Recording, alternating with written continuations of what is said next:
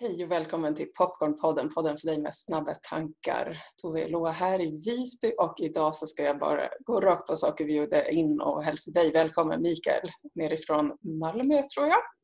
Ja, just det. Mm. Just det. Mikael, du är inbjuden idag för att jag känner och vet redan eftersom vi har mjukstartat med några minuter utanför eh, REC att vi kommer ha ett spännande samtal om säkert många saker men det du bland annat är specialist på är beroendesjukdom. Mm. Visst. Eh, och i din firma eh, och ditt företag Human Gardening så eh, dök jag ju på ett av dina inlägg på Facebook där du pratade om sorg på ett sätt som kändes eh, att det landade väldigt, väldigt väl i mig. Ehm, så varmt välkommen hit, verkligen. Ja, tack så mycket. Spännande. Får se eh, om min popcornhjärna klarar av att uh, hantera alla frågorna då. Så att Vi får se. Spårar, spårar ur. ja, det har väl hänt i och för sig förr att vi typ har gjort det. Men det är rätt ja. forum för att få ha en popcornhjärna. Så jag tänker att vi kan ja. säkert slappna av och få det precis som det ska vara. Mm. Det är en styrka av popcornhjärna också. Det, det, vi glömmer bort det ibland. det tror jag också. Vi har väl ett mm. samhälle som på många sätt premierar det men eh, i min upplevelse kanske också missar eh, att ta hand om, om utmaningarna med det. Ja, och jag tänker på temat beroende att eh, popcornhjärna och beroende är ju inte helt ovanligt att det eh, faktiskt Nej, lirar vi, tillsammans. Vi sa, ju det, ja, vi sa ju det utanför eh, här nu att jag har jobbat med en hel del artister och musiker och skådespelare, alla möjliga människor och eh, reklamfolk och andra som är väldigt kreativa människor. Mm. Som, eh, där Eh, där eh, beroendet är ganska påfundigt och eh, hittar på eh, bygger upp världar egentligen. Man lever ju inte i verkligheten som aktiv beroende riktigt utan jag förnekar verkligheten och då måste jag också vara väldigt påhittig och hitta på förklaringsmodeller som, som förstärker förnekelsen egentligen. Mm. Så, så att den kreativiteten, och många är ju rädda att bli av med den också när jag blir nykter eller drogfri och så. Mm. Och att det blir en, en, en period av där, där det inte händer någonting i hjärnan riktigt. Det är ganska trist, trist och tråkigt när mm. drogen försvinner och sådär. Och, och, men det kommer tillbaka brukar jag säga. Kreativiteten är någonting som du har och intelligens är någonting som är en konstant egentligen, som finns inne i dig. Eh, och man behöver väcka den kanske på ett annat sätt. För alkohol och droger och, och så är ju en källa till smärta och massa konflikter och så, vilket också ger väldigt bra eh, låttexter till exempel. Va? Och krossade kärleksrelationer. Och, mm. och eh, så att det, smärta är ju en, vad ska man säga, smärta och sorg är ju en källa att ösa ur för kreativiteten. Men nu måste jag hitta andra drivkrafter i, i den kreativa processen. Liksom. Det här är ju verkligen en, en fin ingress som du ger och eh, ja. för de av er som har varit med av lyssnarna och lyssnat tidigare så vet ni och för dig som kanske är här första gången så är det ju så att Popcornpodden kom ju faktiskt till väldigt, väldigt mycket utifrån precis det du beskriver. Eh, mm. Från en egen resa i mitt liv där det var så himla mycket drama att ösa ur så att vi så här skämtade om att det vore bra på podd och eh, skulle passa på Netflix. Så. Eh, och så har vi ju liksom konstaterat jag och mitt nätverk så att, eh, för, för det är inte längre så i mitt liv. Jag har ett, ett väldigt eh, jämförelsevis lugnt och eh, väldigt härligt liv idag jämförelsevis och mm. eh, inser att det finns i alla fall kreativitet att hämta ur. Men den har en annan mm. kvalitet och framförallt är mycket roligare att leva med. Så. Ja. Och här är vi ju uppenbarligen i Popcornpodden men utan att mm. vara i dramat på samma sätt. Ja, det är fantastiskt faktiskt att slippa drama i sitt liv. Och, äh, beroendet i sig skapar ju en massa dramor och, och mm. man får ju borderline-liknande personlighet. Eh, drama kings och drama queens är många som kommer till våra grupper i behandlingen och så. Men också att eh, nu, jag är själv tillfrisknande, liksom så. jag har varit drogfri i 29 år snart. Mm. Och eh, varför jag berättar det, det är därför att det bara att det går. Eh, om ja, man följer liksom en modell. Liksom sådär. Och, eh, jag har modellerat andra människor helt enkelt. 29 år är också en ganska lång tid att få öva på olika ja. eh, ja, men, gåvor och utmaningar i livet och ändå vara kvar i tillfrisknande, tänker jag. Ja. Så mina drivkrafter idag är, är egentligen det är kärlek och medkänsla mest. Eh, och det är en helt annan grund att utgå ifrån eh, istället för ilska och eh, skam och skuld och, och massa annat. Eh, så. Eh, så att det är ju, eh, livet blir ju harmoniskt men det finns en kreativitet i det också. och, och jag tror ju på att, att ge är en av de största sakerna man kan göra. Och Popcornspodden är ett sätt att ge. Ge bort kunskap eller ge bort um, andra saker. Och, mm, och, och, det är en skön drivkraft att ha den. Det är väldigt mjukt. Det är verkligen någonting i det. Och i den här programvärlden som jag också personligen befinner mig i eh, så är ju verkligen det här tolfte steget att ge vidare någonting som eh, ja, men minst sagt så här, växer på mig i alla fall. Att, att yeah. insikten om att ja, det finns kraft i att ge vidare och att det finns gåvor i det som har varit svårt för oss själva. Så vad det än är för den som lyssnar, vare sig man här, definierar sig som beroende person eller inte, så tänker jag att alla människor har ju haft utmaningar i sitt liv. Det kan man Precis. väl ändå vara ganska överens ja, ja, ja. om. Så här, att det är vi aldrig fria från. Och att det finns brukar... någonting gott i att få ge vidare det. Liksom. Ja, jag, jag säger så här att eh, jag har fördelen att jag har någonting att ta på. Mm. Jag var tvungen att stanna upp och förändra mitt liv totalt. När jag var 31. Och, du var 31 när det... Ja, ja mm. när, när jag liksom nådde min botten. Men utifrån det så har mitt liv inte blivit likadant heller. Och, och som du sa, mm, att, att det handlar om egentligen att bara ge bort.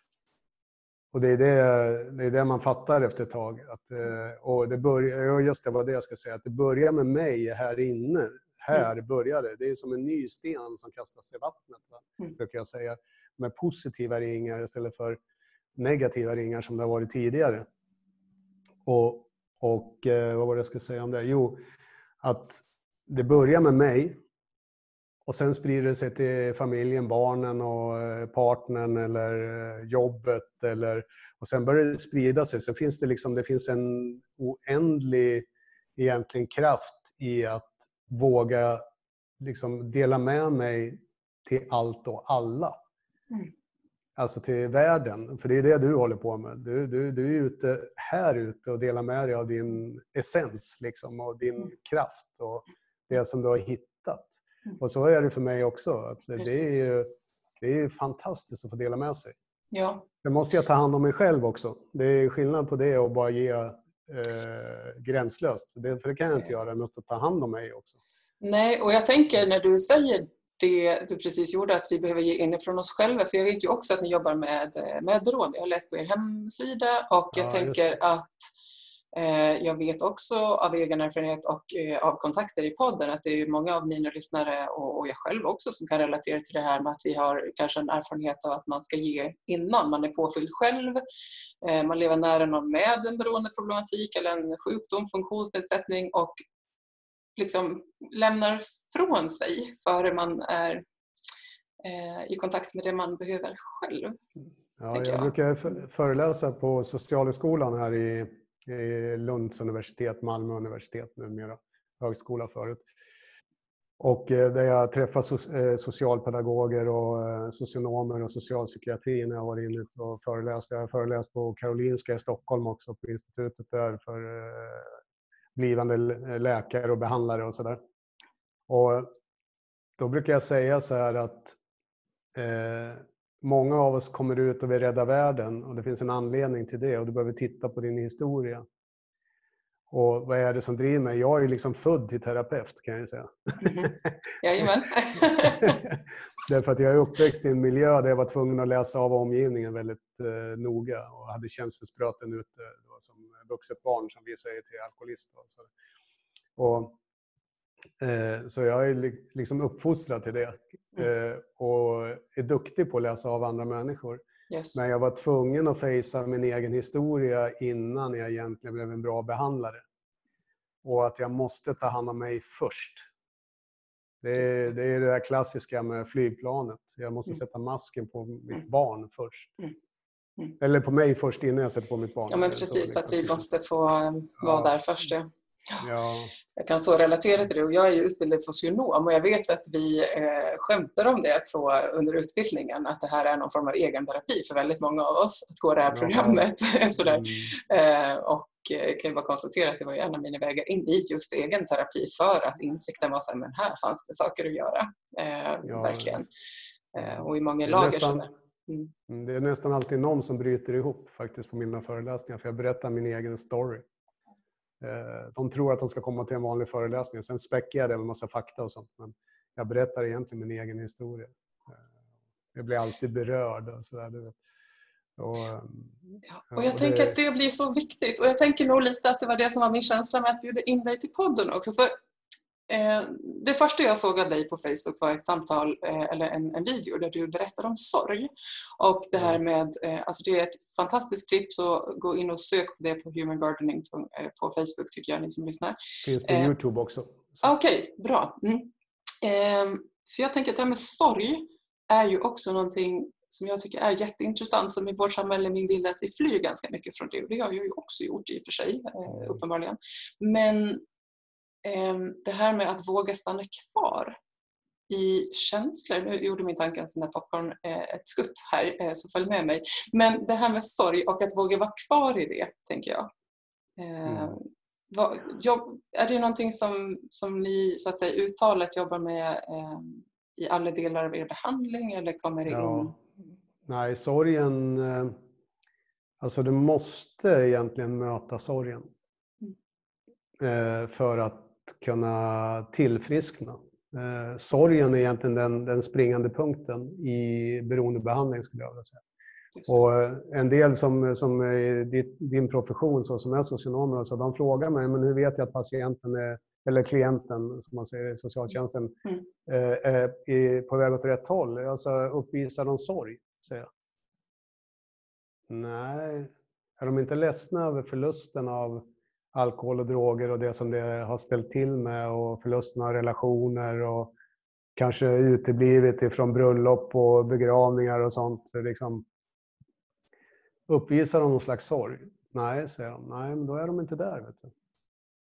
Visar de sorg, då är vi hemma. Mm-hmm. Mm. Och så, så, så är det för mig, för mig också i min historia att um, jag behöver vara i kontakt med sorgen. Det är en väldig skillnad på sorg och självömkan. De, de är liksom eh, eh, som systrar och bröder där inne. De är bredvid varandra, eller kusiner. Eh, självömkan, tycka synd om sig själv eller tycka synd om andra också för den delen, det är inte bra för någon. Medan sorgen och medkänsla, det är någonting som är bra. Men framförallt sorgen för dig personligen, den löser upp skalet av den känslomässiga förnekelsen och, och, så. Du kommer igenom och den är varm och god och den behövs. Mm. Vi måste möta sorgen. Idag vill man medicinera bort sorg. Jag blir bara förbannad faktiskt. På riktigt. Mm. De kommer och eh, de har skilt sig eller eh, förlorar jobbet eller förlorar sin mamma eller någonting så, så ska man ge ett piller. Nej, du behöver ja. gråta. Ja. Det är det du behöver göra. Och min dotter, hon, hon, ligger, hon ligger och sover faktiskt. Eh, hon frågar mig så här, pappa vad skulle du göra, hon är tio år. Ja. Pappa vad skulle du göra om jag dog? Frågade mig i förrgår tror jag Då sa jag, jag kommer gråta. Jag bara tänker på det så börjar jag gråta. Ja, gud. Då sa jag, ja, förstår du? Ja, ja, knappt. Jag, blir, ja. Jag, jag, jag blir helt ja, men det är ju så här, det, ja. ett, Man vill ju helst inte gå dit. Nej. nej, men jag sa så här, jag kommer gråta. Jag kommer gråta. Och jag kommer kanske gråta så nästan hjärtat går sönder, men jag kommer gråta. Det är det jag vet. Mm. Och Det finns inget piller eller droger eller så som är bättre än att känna på sorgen. Liksom. Jag behöver känna på den. Och våra patienter, en av uppgifterna nästan alla får, det är sorger och förluster. Som jag har gjort på grund av det. Och det kommer alltid mormor som betydde jättemycket för mig. Mm. Jag var inte med, jag hann inte sörja för jag var drogad eller, eller full mm. under tiden. Och, alltså jag behöver känna på det där för att annars kan jag inte sörja substansen. För den måste jag sörja också. Precis. Det är min bästa vän kanske. Det som har varit vår följeslagare på olika sätt. Ja, ja, ja. Jag, jag eh, drack första gången när jag var 12. Va? Ja. Så den följde mig i 19 år som en mm. krycka och en vän. Liksom. Ja, och fanns ju där som... för dig eh, i allt oavsett vad någon annan sa. Eller hur? Ja. Och, ja, precis. Och man måste ta ut skilsmässa. det där är intressant alltså. Ja, jag tycker det är fantastiskt viktigt bara. och jag, jag, arbetar också en del kring sorg i, i det jag gör i min firma och så där. Jag tycker att det är en Eh, ja, men som sagt ett viktigt tema att stanna till vid. Sen kan jag ju själv uppleva att i tillfrisknande så blir ju sorgen för mig mera tillgänglig också. Eh, såklart när vi inte längre är döva, för mig är det så i alla fall, att när jag liksom inte då försöker distrahera mig eller eh, fly så, så känns det ju, det är ju inte alltid en angenäm upplevelse, mm. kan man väl vara sann med.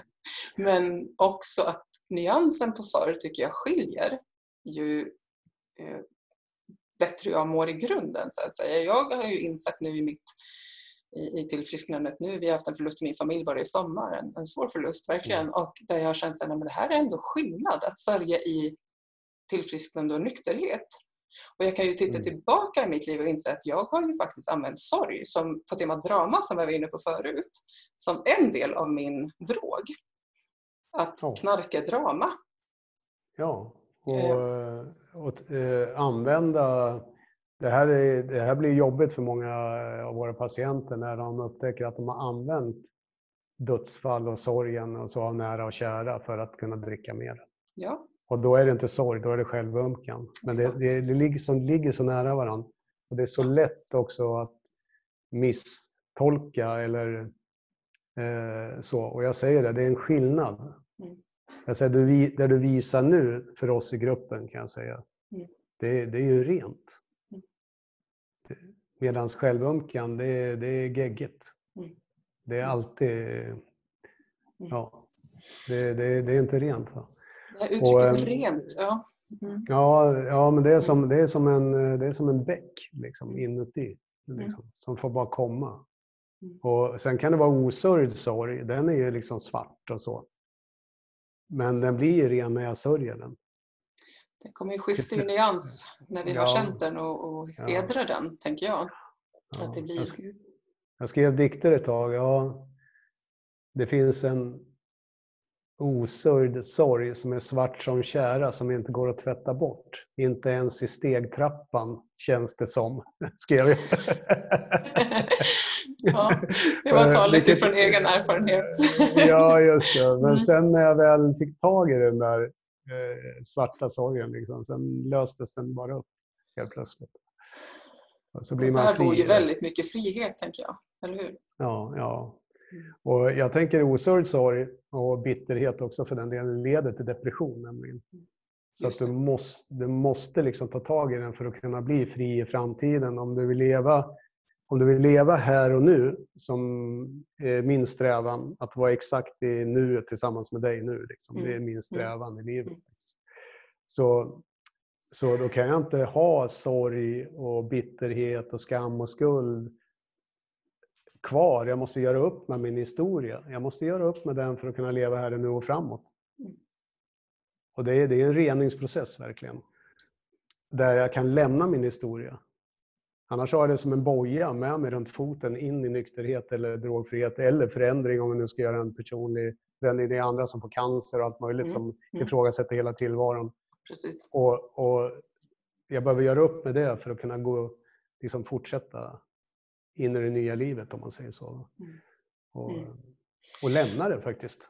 Ja, jag säger det. Jag har lämnat min historia. Det, det låter lite kaxigt, men jag har faktiskt gjort det. Så det, det... Kan du, eh, minns du tillbaka, eller liksom det, um, nu blir det en lite trubbig fråga, men jag tänker när du säger att du har lämnat din historia, för det finns nog många som skulle önska att, att göra det, men kanske mm. inte eh, vågar, tror sig få. Eh, min erfarenhet eller min upplevelse i samtal med människor är att vi kan ha den här idén om att vi måste bära ganska hårt, hålla ganska hårt vår historia för att på något sätt eh, visa oss själva eller andra att vi har lärt någonting av den och att den identiteten ja. blir så viktig på något sätt. Ja, um, jag, jag, kan säga det som eh, drogfri beroende eller nykter alkoholist, då, liksom som jag är. Alltså, eh, det för mig, jag behöver påminna mig om det. Så att jag inte går tillbaka till att jag tror att jag är normal, för det kommer jag aldrig bli. Nej. Nej. Jag har accepterat min onormalitet, om det finns, det finns inget ord för. Men Nej, eh, jag accepterar det fullt ut. Jag, jag är som jag är. Men eh, för att få ett bra liv så kan jag inte gå tillbaka till eh, att dricka eller droga eller så. Men, men, men däremot, min identitet är ju inte där längre. Utan jag är ju en ny eh, skapelse, om man säger en ny varelse på ett Mm. sätt. Eh, Men min historia är ju också en källa till massa kunskap Yes. Mm. som kan hjälpa andra människor. Så att jag använder den på det sättet. Men jag kan ju säga så här, alltså. Eh, jag var på barnhem när jag var liten. Mm. Jag blev lämnad där när jag var fyra år. Eh, och kommer ihåg det. Jag blev lämnad när jag var två första gången tror jag. Och sen, eh, men när jag var fyra kommer jag ihåg, då hade jag lillebrorsan med mig också och hade ansvar på honom. Fyra år. Eh, Ja. Ja, jag var fyra år. Och Mm. eh, det var ju den största smärtan i mitt liv. Mhm. Idag så kan jag se att eh, jag är glad att det hände. Och varför jag säger det, det är därför att jag har varit fri gentemot min familj och de mönstren som finns i min familj. För jag bestämde mig där här för jag klarar mig själv. Mm. Och jag blev aldrig en del av familjen igen, den biologiska. Nej. fullt ut. Utan jag var en åskådare och en besökare på ett sätt när jag kom tillbaka sen. Vilket har hjälpt mig att hitta dit jag har hittat idag och vara fri gentemot min egen historia och min egen familj, den biologiska. Och jag ser en skillnad på mina syskon som inte har varit skilda på det sättet. Mm. Så Mm. jag är inte bunden av den skuld, det här låter, nu är jag ute på djupt vatten här. Jag kommer, Det, det får man vara här. Det är fint. Ja, okej. Mm. Att den skulden som jag upplever att många har gentemot sina föräldrar och så. Jag bär inte på den. De är inte skyldiga mig någonting. Och jag är inte skyldig dem någonting heller. Nej, också åt det hållet. Ja, precis. Mm. Ja. Så de banden är klippta. Medan jag hör att många har någon konstig skuldkänsla gentemot... eh, Och jag hade det förut. Jag kan säga, men men jag har frigjort mig från Mm. det. Mm. Därför jag är jag. Liksom, och jag... Precis. Eh, och jag har eh, respekt och kärlek för mamma och pappa för de har lärt mig en massa bra saker också. Liksom. Som alla människors lika värde och massa annat som jag har med mig också. Liksom så, så att, På ett sätt finns de säkert med i, utan att veta någonting om din historia, men alltså mer Mm. än det du berättar nu. Men jag tänker också på, på din hemsida, bara för att koppla, för du, där står det Mm. också att du, intentionen hos dig och er är att mötas ögonhöjd. Och när Yes. du nu delar det här om att dina föräldrars avtryck till dig bland annat är människors lika värde, så hör jag bland annat det.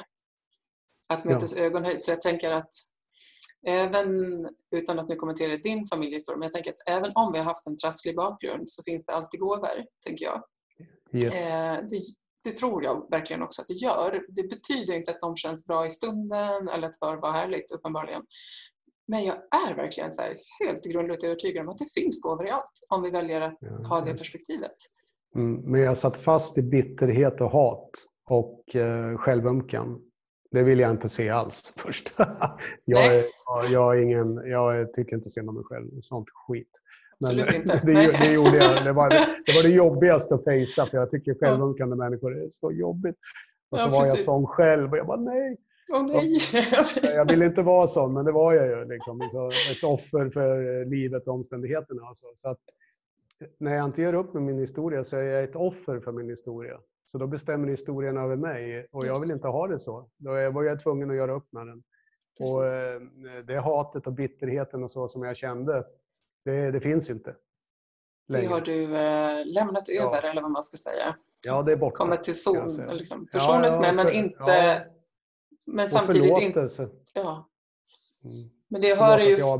Nej, förlåt, det är nog jag. Eller det går åt båda hållen kanske. Jag vet inte. Nej, men det jag tänker är det här när vi säger att vi har lämnat det vi kom ifrån så tänker jag att man kan ju tolka det som att vi helt stängt dörren om det. Men det är ju inte det du säger, tänker jag. Nej, Det är ju nej, någonting nej, annat. Och jag tänker för de som lyssnar som tycker det här låter lite så främmande så tänker jag att det är ju någonting att hedra det vi kommer ifrån men att inte eh, vara på repeat i det.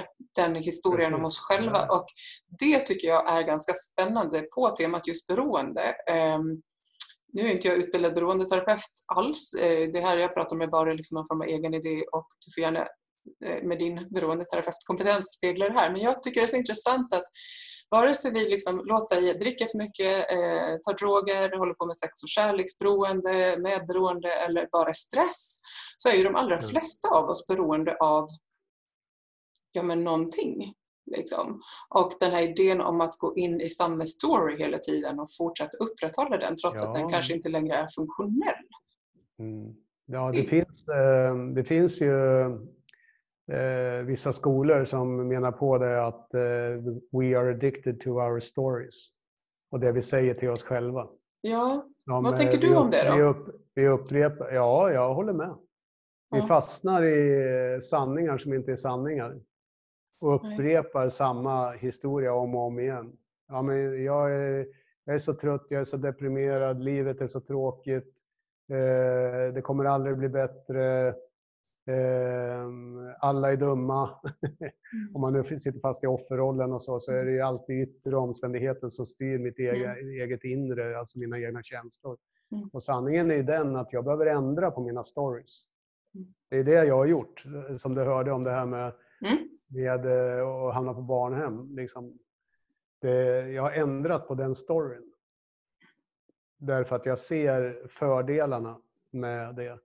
Och, eh, jag har ju varit på kurser i USA, en hel del personliga utvecklingskurser med Tony Robbins bland annat. Och mm. Jag vet inte om ni vet om det är, men det spelar ingen roll. Han, han, han också säger värt att kolla upp honom för dig som ja. lyssnar. Han har mycket inspirerande eh, ja. också. Mm. Och, eh, och hans mamma var ju alkoholist och helt galen och eh, sådär och gjorde eh, väldigt elaka saker mot honom och så. Han säger så här, you have to thank them for everything, säger han. Och när man sitter fast i det och är skadad av eh, sin uppväxt och, och så, så är det inte så kul att höra det. Men idag, liksom, jag är tacksam över det som har hänt. Därför jag hade inte varit jag om det inte hade hänt. På det sättet som är och fått den medkänslan och förståelsen och så för andra människor till exempel. Och så. Eh, så det blir ju ja, så, ja, så idag när jag träffar mina föräldrar, ja. jag bara pussar dem på kinden. Fantastiskt.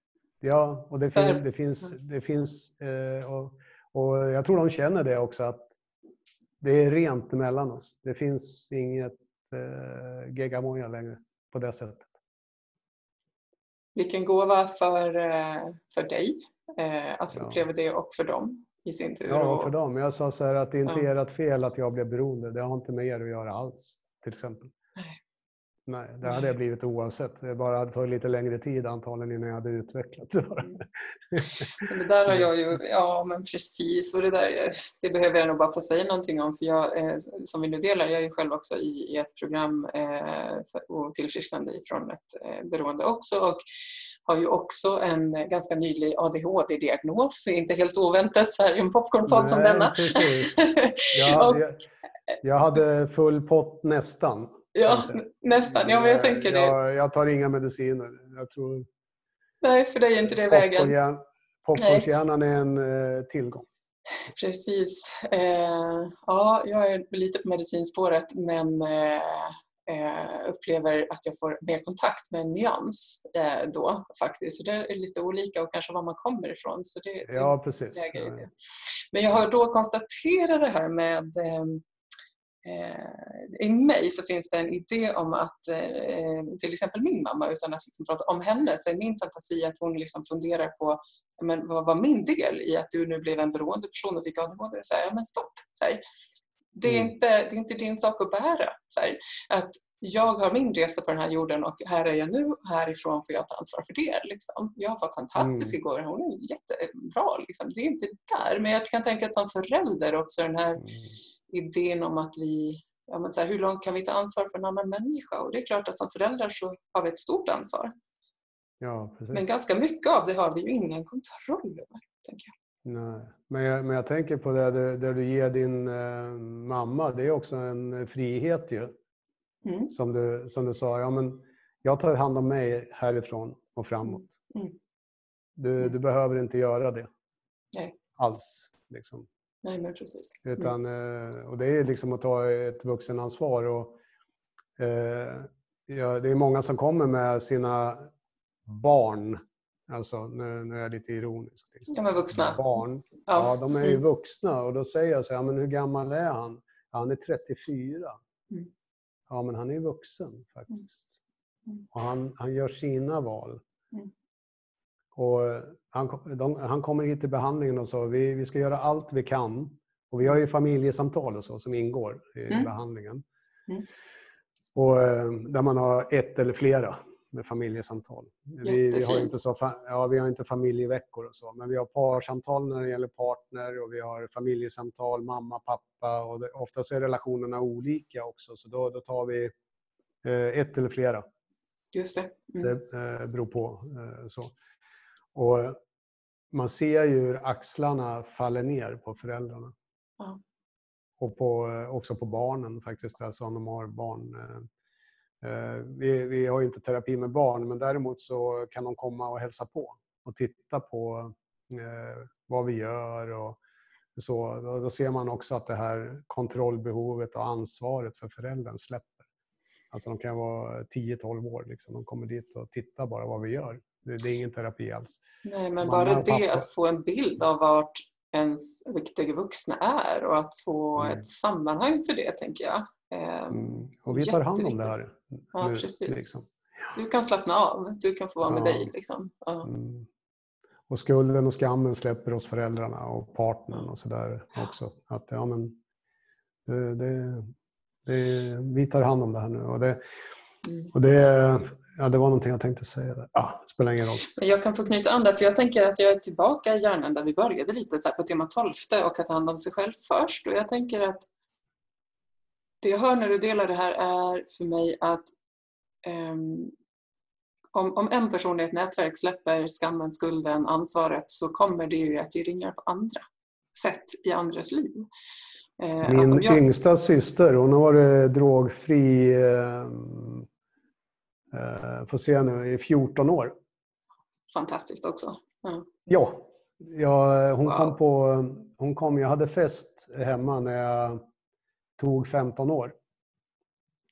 Bra att fira det. Ja, med DJ och... Ja. Jag är lite så, jag är gammal restaurangkille. Liksom, så, så DJ och grilla ute i trädgården. Det behövde få vara fest. Ja, ja det behövde vara fest. Mm. så, så, så kom alla mina syskon och kollegor och grannarna fattade ingenting. De kom in med en flaska vin där.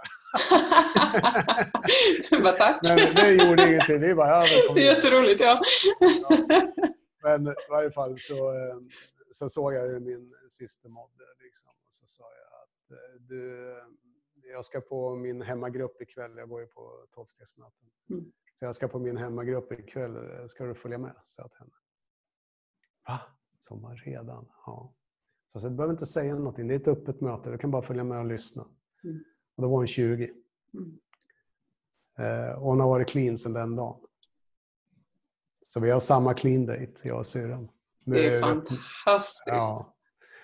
Eh, och för er som inte vet vad clean date är, alltså, jag firar min drogfria tid. Det är viktigare än min vanliga födelsedag. Jag fyllde 60 nu och jag tyckte, ja, det var väl sådär. Liksom. Mm. Men eh, nästa år fyller jag 30. Eh, om Precis. jag en dag i taget fixar det, men, vilket jag hoppas och tror. Så mm. eh, det är större, kan jag säga ja, men, grattis ja. nu och lite grattis i förskott. Alltså faktiskt, ja. för det är lång tid och jag tänker att eh, ja, jag hör andra som har gått före som också säger det att på temat det du pratade om i början med självkärlek och medkänsla, självmedkänsla. Att ja, när vi tycker att det är svårt, om vi har brutit beteenden och, och liksom nykter tid eller eh, för dig som lyssnar som kanske inte alls relaterar till nykter tid men beteendeförändringar på olika sätt. Då. Att, låt säga ja, att du för ett halvår sedan gjorde en beteendeförändring eller ett, och ett halvt, två, tre eller 29 och tycker att det är svårt fortfarande. Så bara, ja, fast jag är ett och ett halvt år gammal idag. Eller så här, ja, jag är fem år. Så bara, ja, men blir det lite ja. nyansskillnad då? Istället ja. för att säga men fan, jag över hela livet och ändå funkar det inte. Ja, fast du har inte nej. gjort det på det här sättet. Nej, nej, nej. Jag brukar det. skoja så här, alltså, det finns någonting jag har jobbat med hela tiden och fortfarande jobbar med. Det är tålamod. Alltså jag, ja, jag är en riktigt otålig människa. och jag håller fortfarande på att jobba med det. Jag hållit på i 29 år snart liksom, och, och jobbat med det. Eh, fast jag har ju tänkt att starta en podd faktiskt eh, som ska heta... Eh, jag har det engelska namnet och jag har inte det svenska. Jag har inte kommit på något riktigt bra. Vad spännande. Jag hade, jag hade hittat eh, ett namn, men i alla fall addic Addicted to Growth. Alltså, idag så är jag beroende av att utveckla mig och skaffa mig ny kunskap, läsa böcker, gå på kurser. Nu, nu tycker jag corona är fruktansvärt eftersom jag får ingen... Jag får inte så mycket input som jag vill ha. Jag är som en svamp. Liksom. Och Det är det som driver mig själv i mitt personliga liv idag. Det är bara att utveckla mig, lära mig mera, eh, göra nya saker. Eh, mm. Jag var och surfade i Kalifornien för eh, sju år sedan. Jag var 53. Liksom. Jag ska fan lära mig surfa. Så det är klart du ska. Jag, liksom. jag, jag kan surfa, liksom. Ja. Vågsurfa. Så nu är min dotter och jag, vi var i Spanien eh, förra året och, och surfa i Tarifa längst ner. Precis, ner mot eh, ja, Afrikas... Hon var duktigare än jag, men eh, jag var, jag var både äldst och eh, tröttast på slutet. Skönt tillägg tycker jag. jag, jag och jag kör, jag kör hot yoga. Gör jag, liksom, jag fyllde 60 nu precis. Va? Och jag är både stelast och äldst. Inte alltid, men ibland. Liksom. Då, då, ja. Ja, och jag bryr mig inte. Det finns Nej. liksom ingen skam att vara nykomling eller nybörjare och allt det där som jag... jag vi pratade om perfektionism i början. Mm. Alltså, det, den har släppt alltså. Jag kan gå med en skrynklig skjorta till jobbet faktiskt. Det går. Till och med det? det liksom. Ja, det är nästan där. Det är liksom, med lite ja. övning, men det, det går. Ja, ja. Ja, men gud vad roligt att du säger det. Och det här är ju superinspirerande för, för mig och jag tror många av oss, det här med att få fortsätta att vara nyfiken och leva. Att det är mm. här, och vi får ändra oss. För jag tänker att det är så mycket, för att knyta tillbaka till den här idén om stories om oss själva. Så här, nej men om, om jag alltid har, och det här säger jag för att jag behöver typ claima det själv tror jag. Men så här, nej men okej, jag har tränat crossfit jättemycket, ja, men så slutade jag med det. Jag sprang långdistans, slutade med det. Ja, men det behövde vara så då. Ja. Nu finns det annat jag gör och det är okej. Okay. Um, och att få vara nybörjare och öva sådär, ja men det ja. upptäcker nytt. Min, min pappa han sa alltid till mig så här, uh, uh, du, du, du, alltså, du slutför aldrig saker ordentligt, tyckte han. Han är en sån där som går från A till B. Liksom. Mm. Uh, ordning och reda. Ja, precis. Du vet. Och det har jag vänt på. Jag är en jävel på att starta saker. och jag är duktig. Det var det där med fokus, eller Ja, precis. Jag är duktig på det. Och sen, men sen får man ju lämna det vidare. Liksom. Ja. Vissa idéer får jag bara ge bort. Mm. Det är så. Så får någon annan förvalta det. Eller att jag kan bidra med en idé eller så. till en annan verksamhet och så. Det, då får jag göra det. Och jag älskar att ge bort kunskap också. Och det är de här filmerna där vi pratade om i början. Ja, och, att...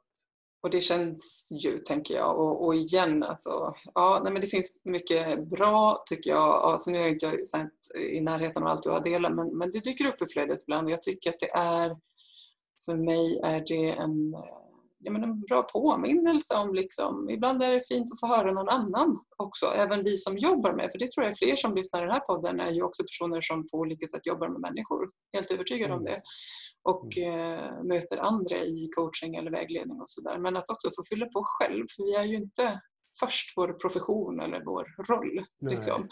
Och att först vara med sig och fylla på därifrån som vi igen var inne på förut. Så att säga. Mm. och det tycker jag att Erik för mig är en bra check-in med mig själv.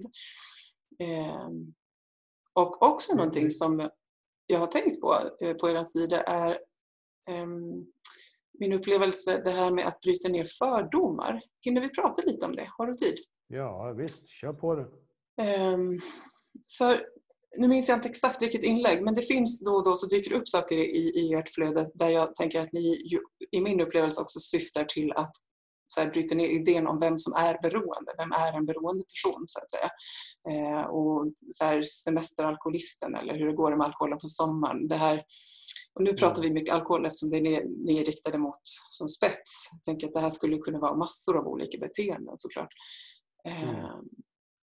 Det här för mig tycker jag är viktigt för jag tror att många med mig har fördomar om vad det är att vara en beroende person. Hur ser man ut då? Och, ja, men, om, jag kan säga så här att eh, när, när det var som värst för mig då hade jag mina dyraste slipsar och dyraste kostymer. Mm. Precis. På slutet när jag inte klarade av att upprätthålla fasaden längre, det var ju då det började synas på mig och märkas på mig. Jag blev eh, så förändrad av eh, läkarordinerad medicin och alkohol och, sådär. Mm. Eh, och eh, åt massor med bensodiazepiner och annat för att klara av jobbet på dagarna. Och så. Eh, så varför jag berättar det här, det är, det är att man har en syn på vad beroende är. Mm. Och de, jag kan säga att över hälften som kommer till mig, mer än hälften, är framgångsrika människor. Mm. På ena eller andra sättet i sina liv. Mm. Och då menar jag inte att de är rika eller så. De, de har utbildningar, de har familjer, de har företag. Eh, som jag sa, eh, musiker och kändisar en del som jag har haft och mm. tv-kändisar och sådär. men vad, vi, vad jag ser då när de kommer, det är den lidande människan. Men hade de gått till sjukvården till exempel, då hade de antagligen bara sagt så här, gå hem och drick mindre, du har ju allt det här. Och mm. säga till en mamma att du har ju barnen, alltså det är ju som att ge en örfil. Liksom. Mm. Alltså det är så, eh, ursäkta mig, taskigt. Ja och lägga skam på skammen och skuld på skulden. Jag känner ju redan skam och skuld. Beroendet gör ju att i stunden så existerar inte barnen. Utan då existerar bara glaset. Om man nu är alkoholist. Och, och det här, när man inte förstår det, hur ska man då kunna hjälpa människor? och, och, och vi, säger, vi säger så här att priset du får betala då, det är avhållsamheten, total avhållsamhet för att kunna få ett bättre liv och kunna vara närvarande förälder och allt det här. Så att möta den skulden och skammen, alltså det är bland det tuffaste man kan göra. Och vi har ju ofta, nu har vi inte så många kvinnor inne just nu, men annars har vi rätt mycket kvinnor faktiskt. Mm. Och, och, där vi pratar om mammarollen och papparollen. För det är ingen skillnad på mamma och pappa på det sättet, utan svek är ju svek. Mm. Liksom.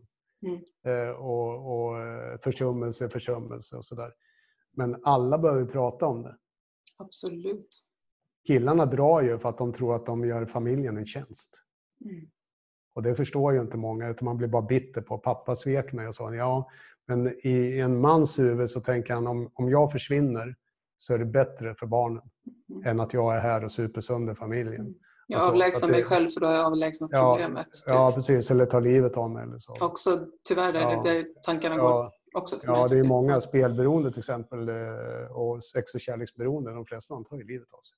Det är ju den största dödsorsaken där, mm. faktiskt. Yes. Och, det, och det pratar vi inte så mycket om. Nej, och jag tänker att det är det som också, så här, när vi pratar om att beroendesjukdom är dödlig, så är det ju inte bara substansen eller drogen. Oavsett Nej. beteendet eller, eh, eller ja, sex och kärlek eller alkohol. Av egen erfarenhet i programmet jag är så vet jag också det. Att det är en dödlig sjukdom på det sättet. Ja. Och det ger ja. en ganska stor ödmjukhet, tänker jag. Och när jag, jag måste bara få återknyta till det du sa, att om man då går i kontakt med, med så här, vården och säger men drick lite mindre eller när man slutar dricka, då tänker jag också så här, att den okunskapen, eh, det, det, är ju det som också, tänker jag, beroendehjärnan är väldigt tacksam över. För att skicka hem någon med den typen av problem som beroende är och säga bara sluta. Eller bara drick lite mindre eller är det verkligen så farligt? Det är ju som att säga ja vad fint, då kan jag fortsätta.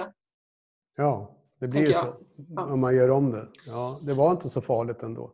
Nej, så jaha, nej men de tog ja. inte det på allvar. Det kan ju inte ha varit så illa. Då kan jag ju, alltså, för jag tänker att beroendet vill ju gärna upprätthållas på något sätt. Det är ju så mm. starkt. Jag, ja, jag tänker så här att det finns två böcker mm. som jag kan rekommendera. Mm. Det är Beroendepersonligheten Mm. Den hette Jaget och missbrukaren tidigare, Craig Nacken, som mm. Gunnar Bergström har översatt nu. Mm. Ny översättning.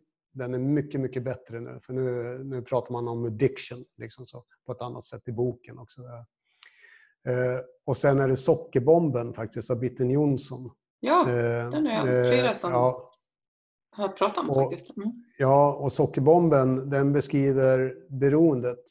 Eh, nu pratar hon om socker och ätstörningar och sånt mm. i boken. Liksom så, eller matmissbruk ska man kalla det för egentligen, matberoende. Mm. Men, men hennes bok är nog bland det bästa som är skrivet för att beskriva vad beroendet är. Och, och jag säger så här, att om man inte förstår beroendets sanna natur, den har ett eget liv liksom, inne i dig. Mm. Om man inte förstår den, då kan man heller inte riktigt hjälpa, eh, anser jag. Och, så att om det är socionomer och andra som är där ute och vill lära sig mer om att förstå sina klienter, för att jag säger så här, 75 procent av de som kommer till er är beroende, skulle jag tro. Mm. Eller 60 i varje fall, minst. Mm. Så, och I kriminalvården så är det, den officiella statistiken är 65 procent medan den inofficiella den är liksom 90. Nästan. Eh, så, så om man förstår det, då kan man krypa bakom. Just det. Och inte ta det personligt till exempel. Jag, jag, jag sa så här att oärlighet och, förne, eh, och förnekelse som i förnekelse så kommer oärligheten. Mm. Men det är inte en lögn. Men vi tar det som en lögn. Att de bara ljuger och manipulerar och håller på. Men det är en del av symptomen. När man är i förnekelse. Det kan ju kännas som det mest sanna i världen. Ja, Då, ja precis. Ja, det är ju sant för stunden. Mm. Ja. Mm. Alla rättfärdigande, rationaliserade invändningar och sånt. Ja, men jag, jag tror, jag tror också jättemycket på att det i, väldigt många organisationer skulle behövas mer kunskap kring det här. Jag jobbar många år inom anhörigstödjande verksamhet och, och gör fortfarande det som en del av mitt chefsuppdrag idag. Och jag kan ja. tänka att det här med liksom hashtaggen professionellt medberoende eh, kan jag fundera över emellanåt. Att vi liksom har en sån här ja, men, idé om att ta hand om andra fastän det inte är vår uppgift uppgift. Ja, men sådär, alltså, jag, jag, tycker att det är ganska intressant att fundera på vad är vår roll som behandlare, klient, alltså eh, organisation i förhållande till människor om man, om man tänker beroendeproblematik. Ja, just det. Eh, vi är skitjobbiga, rent ut sagt. För vi ger tillbaka ansvaret till, till personen. Mm. Det är inte synd om dig. Kan, om jag tycker synd om någon, det är bland det värsta jag kan göra faktiskt. Och så kommer jag lite uppifrån. Jag kommer inte ögonhöjd. Nej. Medkänsla däremot är alltid ögonhöjd. Det finns inte bättre eller sämre. Jag säger till mina klienter så här, eller patienter, jag säger så här. Det som skiljer dig och mig, är att jag vet hur man gör. Det är det enda som skiljer dig och mig. Mm. Jag ska göra allt jag kan för att ge bort det, det jag vet, mm. så att du inte börjar igen. Mm. Jag tror på dig och så. Men jag vet inte, leva ditt liv, det vill jag inte göra åt dig, det får du göra. Mm. Men däremot så vet jag hur, hur man blir drogfri och får ett bättre liv på grund av att jag tar bort den variabeln ur, ur livet. Och det är så egentligen med all utveckling. Det är därför jag menar på att om vi tycker folk, synd om folk för deras historia, mm. Då tar vi bort ansvaret från dem och deras egen förmåga att förändra sina egna liv. Och det tror jag inte på. Jag tror alla kan eh, förändra sitt liv. Jag tror på att alla kan. Det finns inga hopplösa fall. Alltså, jag tror att alla kan förändra sig. Om det finns tillräckligt mycket villighet så kan man förändra allt. Tankar, känslor, beteenden. Men ofta så hänger vi kvar vid våra stories som vi pratade om innan. Yes. Som sanningar. Nej, det är inte sanningarna. Man, kan byta sanningar. Precis. Det var en terapeut som sa, sa till mig under min behandling. Hon, hon sa så här, Mikael, du är så rolig. Hon sa, du, du byter sanningar som andra byter kalsonger. Så. Tack sa du, vilken komplimang! Eller? ja, jag sa så här, tack så mycket. Jag sa, är det sant? sa jag. Vad bra! Exakt! Nej, men, jag eh, ifrågasatte hela världen helt plötsligt. Och allting ifrågasatte jag. Det kan ju bli jätteobekvämt eh, dock. Ja, ja, var, för, för omgivningen ja, såklart. Ja, och läs, läskigt för mig var det faktiskt. Ja, det här med rädslor, det är ett helt eget avsnitt det. Mikael. Men så ja, tänker jag också att det du nu säger att du har eh, verktygen, du vet hur. Och så tänker jag också för att förstärka, för det står också på er hemsida, gå in och läs om det, för det är en fin beskrivning av hur ni jobbar och er ambition eller sådär. Men att också så här, väldigt få människor klarar det här ensamma, tänker jag. Ja. Eh, det skulle jag vilja liksom bara stanna till vid innan vi alldeles snart går till avslut tyvärr. För det här är Mm. sjukt trevligt tycker jag. Men ja. det här med att faktiskt förstå att ensam är inte så himla stark. Alltså. Nej. Det är en lugn som vi lär oss. Mm. Ensam är stark, själv är bäste dräng, Mm. eh, egen lyckas med. Mm. Eh, beroende då som, eh, och eh, nu i samhället, eh, individualismen och så, eh, blir det en isoleringens sjukdom.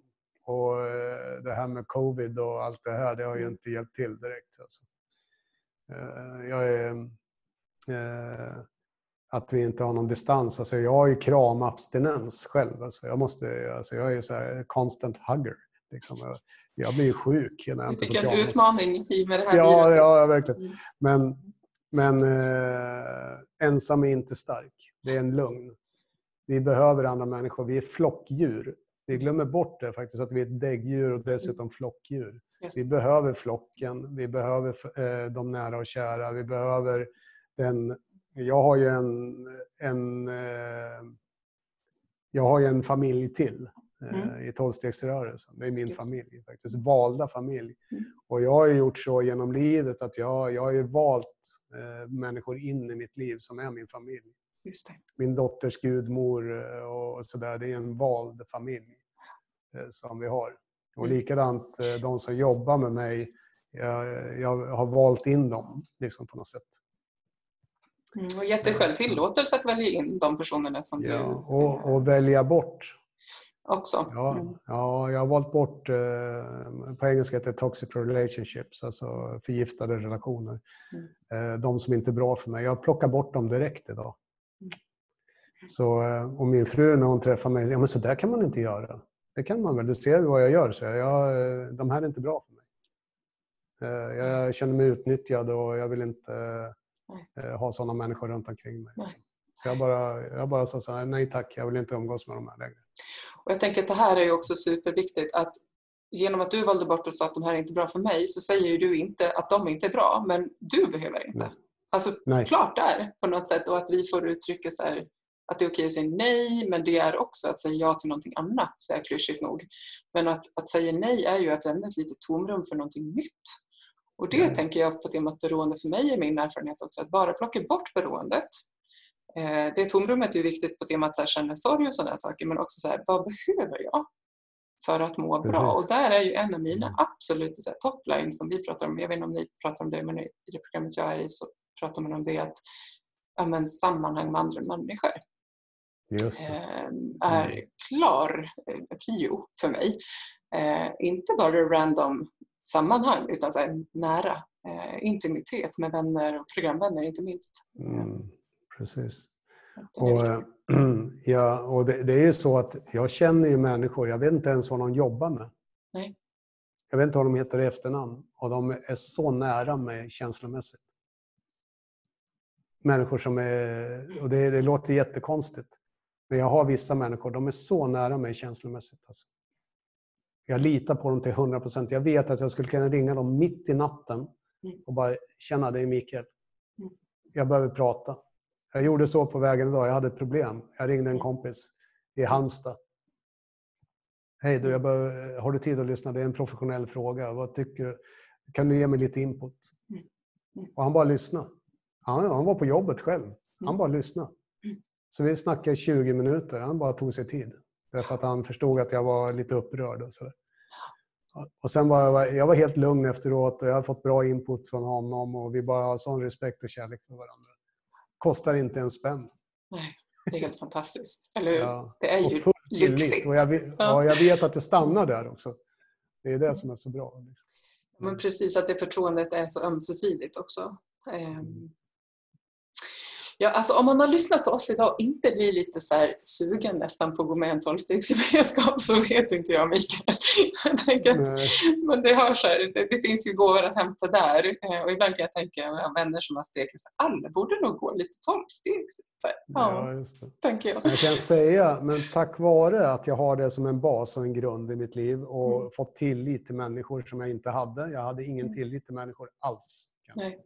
Inte till mig själv heller på slutet. Va? Så. Eh, att, eh, att jag är där är helt fantastiskt. Men det har gjort att jag känner mig aldrig utanför numera. Jag känner mig alltid utanför och apart och konstig eh, i förhållande till andra människor. Idag så känner jag ett innanförskap.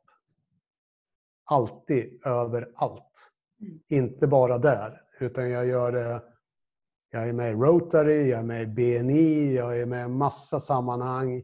Jag blir inbjuden på eh, parties och så. Det låter konstigt. Eh, och, det är härligt. Ja. ja, jag dricker alltid Ramlösa. Jag, eh, och sen går jag klockan 10-11 när alla börjar bli såsiga. Jag fattar inte vad de säger i varje fall. Men, Ingen idé att vara kvar då? Liksom. Nej, det är bara jobbigt att vara kvar. Mm. Men i varje fall så... Eh, jag känner ett innanförskap med mm. mänskligheten idag. Mm. Och och det är en sån befrielse. Jag är ju sån som snackar med folk i hissen, på bussen, på gatan, överallt. Och min dotter hon drar mig, pappa kom nu. Nu fastnar jag med någon jäkel som jag inte har känt någonsin innan. Och helt plötsligt så får jag bara deras story given till mig. Alltså det är såna möten jag får jämt. Och det är bara, nere, bara på vägen till jobbet ibland. Mm. Eller på vägen här. Eh, helt plötsligt så börjar vi prata med en kille då visade det sig att han har också bott i Spanien. Eh, han var landskapsarkitekt. Jag är trädgårdsmästare också. Ah, okay. han, mm. han gillar jänkare och motorcyklar, vilket jag tycker är jättekul också. Eh, och jag har fått en ny kompis. Och det tog en minut Precis. från jag parkerade bilen och skulle till porten.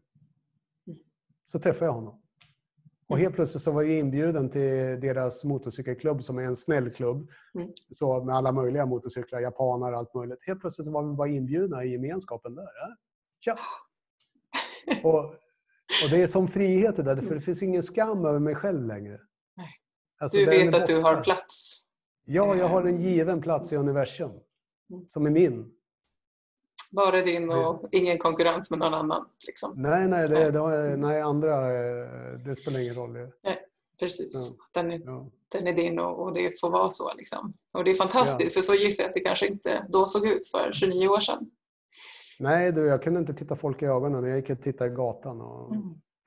Då fick du ingen eh. kompis på en minut direkt? Du kanske, Nej, det, det var, man... ingen som vill, det var ingen som ville komma i närheten för jag såg arg och Ja, och när vi inte ens är kompisar med oss själva, tänker jag. Eller hur? Nej, så är det ju... Känner, folk känner av det. Ja, jag tänker det också. Och att det finns någonting eh, väldigt vilsamt med att mer och mer vara i den kontakten med sig själv, eh, tänker jag. Att faktiskt få ha ett bra sällskap med sig. Liksom. Ja. Alltså... Igår dansade jag salsa på stranden tillsammans med min dotter. De har en sån salsa-kurs på, på Ribban här i Malmö. Spännande. Eh, ja. Och jag kan inte ens dansa salsa egentligen. Egentligen? Nej. Egentligen. Och min dotter ville inte först men sen hängde hon på. Vi hade jättekul. Det var jätteroligt. Det visade sig att du dansar lite salsa om andra ord. Mm. Ja, ja, ja. ja. stegen så hyfsat. Gud vad fantastiskt. Ja, det är fantastiskt. Gud vad härligt. Det finns mycket liv, tänker jag, när vi pratar. Det finns mycket plats för liv och eh, nyfikenhet och glädje. Mm. Och kanske just för att sorgen också får ta plats. Är det det som ja. är sammanfattningen nästan med det här? Ja, ja. Och, och sorgen, eh, det är bara en känsla. Vet du. Det finns inga känslor som kan ta död på dig. Nej, det, det kan ju kännas så. Ja, det kan kännas så. Mm. Ja. Jag brukar prata om det med mina klienter i meditationer och sådär. Känslor kan ju kännas väldigt, väldigt farliga faktiskt. Mm. Ehm, men om vi vet att det faktiskt inte är så, så kan vi kanske hantera den obehagskänslan att vara kvar i dem en liten stund. Ja. Mm. Ja. Men det är vad vi gör på känslan som kan döda oss faktiskt. Precis. Mm. Ja, jag, jag lyssnade på en uh, talare från Kalifornien, han heter Juan. Mm. Uh, jätterolig kille, han uh, mexikan då från början. Han säger I, I did the Mexican revolution one, one TV set at a time. sa han bland annat. Och, och sen sa han så här. You can't die of your feelings. It only feels like it. Hon sa det med väldigt bra eftertryck också. Ja, liksom, liksom. Och, och det, när jag lyssnar på det, det, det, är alltså 25 år sedan jag hörde det. Så, så tänker jag, då tänkte jag då, ja, ja, det gäller för dig, men sen samtidigt, när han har rätt. Ja. Ibland så är det ju så att det behöver lite tid innan det sjunker in att vi också får omfattas av det där. Mm. Eh, för jag kan tänka att det är ju lätt att läsa ibland i texter eller lyssna på andra som bara, jo men det är klart att du får dela det här sammanhanget för du är så perfekt eller du har mm. problem eller du ser ut att ha allt du behöver. Så inser man, jaha. Så mm. att till slut så, ja men det där är ju bara igen den här idén och storyn, rädslan om att inte vara tillhörig eller värdig nog. Mm. Liksom. Så det är väl bra får... att få marinera sig med de här intrycken. Mm. Jag får ju ofta höra det, ja men det är lätt för dig att säga. Mm. Då säger jag så här, alltså du fattar inte hur hårt jag, nu börjar jag börja gråta nästan. Du fattar inte hur hårt jag jobbar med mig själv mm. för att eh, vara där jag är idag. Mm. Det har inte varit gratis kan jag säga. Absolut inte. Det har varit hårt arbete med mig själv. Men det har varit fokus på mig först. Första fem åren, jag gick i utbildning också då till terapeut och jag tänkte jag kommer inte kunna bli en bra terapeut. Tänkte jag, jag är alldeles för fucked up faktiskt. Mm. Mm. Och till och med min handledare sa till slut, vill du verkligen det här? Mm. Då sa jag så här, jag vet inte. Nej, gå hem och fundera en vecka, sa hon. Mm. Och jag kom tillbaka och så pratat med min sponsor, man har ju en, en vägledare i tolvstegsprogrammet, så jag mm. snackade med honom. Och då sa han, det är bra att avsluta, sa han. Du har ju varit dålig på att avsluta saker, kanske är bra att avsluta det här. Så jag gick tillbaka och så sa jag till min, vi hade amerikanska och svenska handledare i min utbildning. Och så, då sa jag att nej, jag har lärt mig någonting, det är att jag ska avsluta. Och på den vägen är det. Den vägen är det som sagt. Ja, på den vägen är det. Men jag, var, jag hade ett motstånd mot att jobba med det här faktiskt. Eh, under lång tid. Mm. Och det där är... Eh, får jag kommentera på det? Är det ja, visst. Jag kör på det. Ja. För jag tänker att eh, nu har jag varit socionom i snart tio år bara, men ändå tio år snart och eh, driver mitt eget företag här om några månader, tre år. Och när jag mm. startade mm. mitt företag inom meditation och, och samtal och så här, så var ju jag fortfarande inte i tillfrisknande från min beroendeproblematik som handlar mer om mm. relationer och, och sådana saker. Yes. Eh, och eh, för mig så var det verkligen, och det kan dyka upp fortfarande, men mycket mer sällan och inte alls med samma kraft. Den här idén om att så här, hur perfekt måste jag vara för att få hjälpa dig? Eh, att den här skamidén om att vara perfekt för att få hjälpa andra och få ta, till och med ta betalt för det och sådär. Eh, för mig var det en jätteprocess måste jag säga. Ja. Och också en sån dubbelhet innan jag liksom erkände att jag är körd. Jag har inte koll. Så här. Jag, hade, jag har jättemånga kompetenser och, och liksom, eh, kunskaper på vissa områden men jag var helt maktlös inför mitt beroende. Så, så var det ju, ja. är. Ja, eh, men att någonstans att inse för mig att ja, men jag får ändå, trots att jag har den här grundproblematiken, jag är maktlös inför beroendet, jag är körd om inte jag går i möten. Så är det nog konstant. Mm. Liksom. Eh, så kan jag ändå ge vidare till andra. Precis, det. visst kan du det. Och det... Och, och det, var det, det var det den här tjejen som kom fram och bara störtgrät sist jag körde min föreläsning på socialpsykiatrin. Ja. Kommer aldrig kunna bli en behandlare. Då sa jag till henne så här, jo det kan du.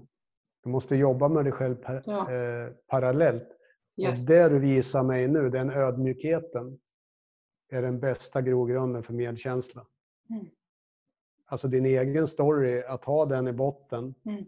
Och så. Eh, och till och med våga vara öppen. Jag, jag säger så här, jag, jag är väldigt personlig mm. när jag jobbar. Mm jag är inte privat. Jag har, mina, jag har min privata del. Mm. Men jag brukar säga så här, du, du får 75% Mikael och så mm. får du 25% terapeut. Mm. Och då är det också uttalet? Mm. Ja, alltså jag, jag kan säga det till dem. Precis. Ja. Och jag är inte rädd för att släppa in folk så nära. Därför att det finns ingen sorg, ingenting de har gjort eller tänkt att de ska kunna göra eller så som skrämmer mig. Nej. Därför att jag är bearbetad själv. Men så länge jag är obearbetad så kommer jag inte närma mig till exempel sorgen hos min klient därför att jag är rädd för min egen sorg. Eller om jag är rädd för mina egna rädslor så kommer jag heller inte våga gå dit tillsammans med, med eh, den personen. Har jag fortfarande tankar om att vissa handlingar är mer förkastliga än andra så kommer jag antagligen inte klienten våga prata om just det den behöver prata om. Och så. Mm. Om de känner att de blir dömda eller fördömda eller sådär. Så att det finns en hel del att jobba med. Eh, jag brukar skoja och säga till mina, eh, när jag föreläser för patienterna, så jag säger ja det är svårt att döma er eftersom jag gjort allt skit själv, säger jag. Och så ler jag bara. Och, så att de förstår att jag har varit där de sitter någonstans. Men jag har gjort en resa till att eh, vara den jag är idag och vara den behandlaren jag är. Liksom.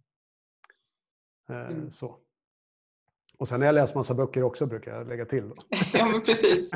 Men bara att läsa böcker är ju sällan som... Precis. Ja. Och så kan jag Så- också tänka. Men jag tror inte att det är högskolepoängen som gör oss lyckliga, brukar jag säga. Nej. Inte enskilt i alla fall. Eh, Det är inte Nej, min och det kan vara erfarenhet. ett- Mm. Det kan också vara ett hinder för att... eh, eh, Om jag har alla svaren, Mm. varför skulle jag då öppna sinnet och börja Mm. leta efter svar? Mm. Om jag Alltså, ändå kan allting. Verkligen. Eh, Så att, eh, jag kan säga att det är bland de svåraste patienterna att göra med. Det är läkare, sjuksköterskor, psykologer, socionomer och sådana som tror att de kan och vet. Brukar jag säga. Du får ta Mm. hela det, skruva av huvudet och bara sätta det åt sidan. Och så får, vi, får du börja titta. För att om du var så duktig, då hade du inte behövt komma hit ju. Nej.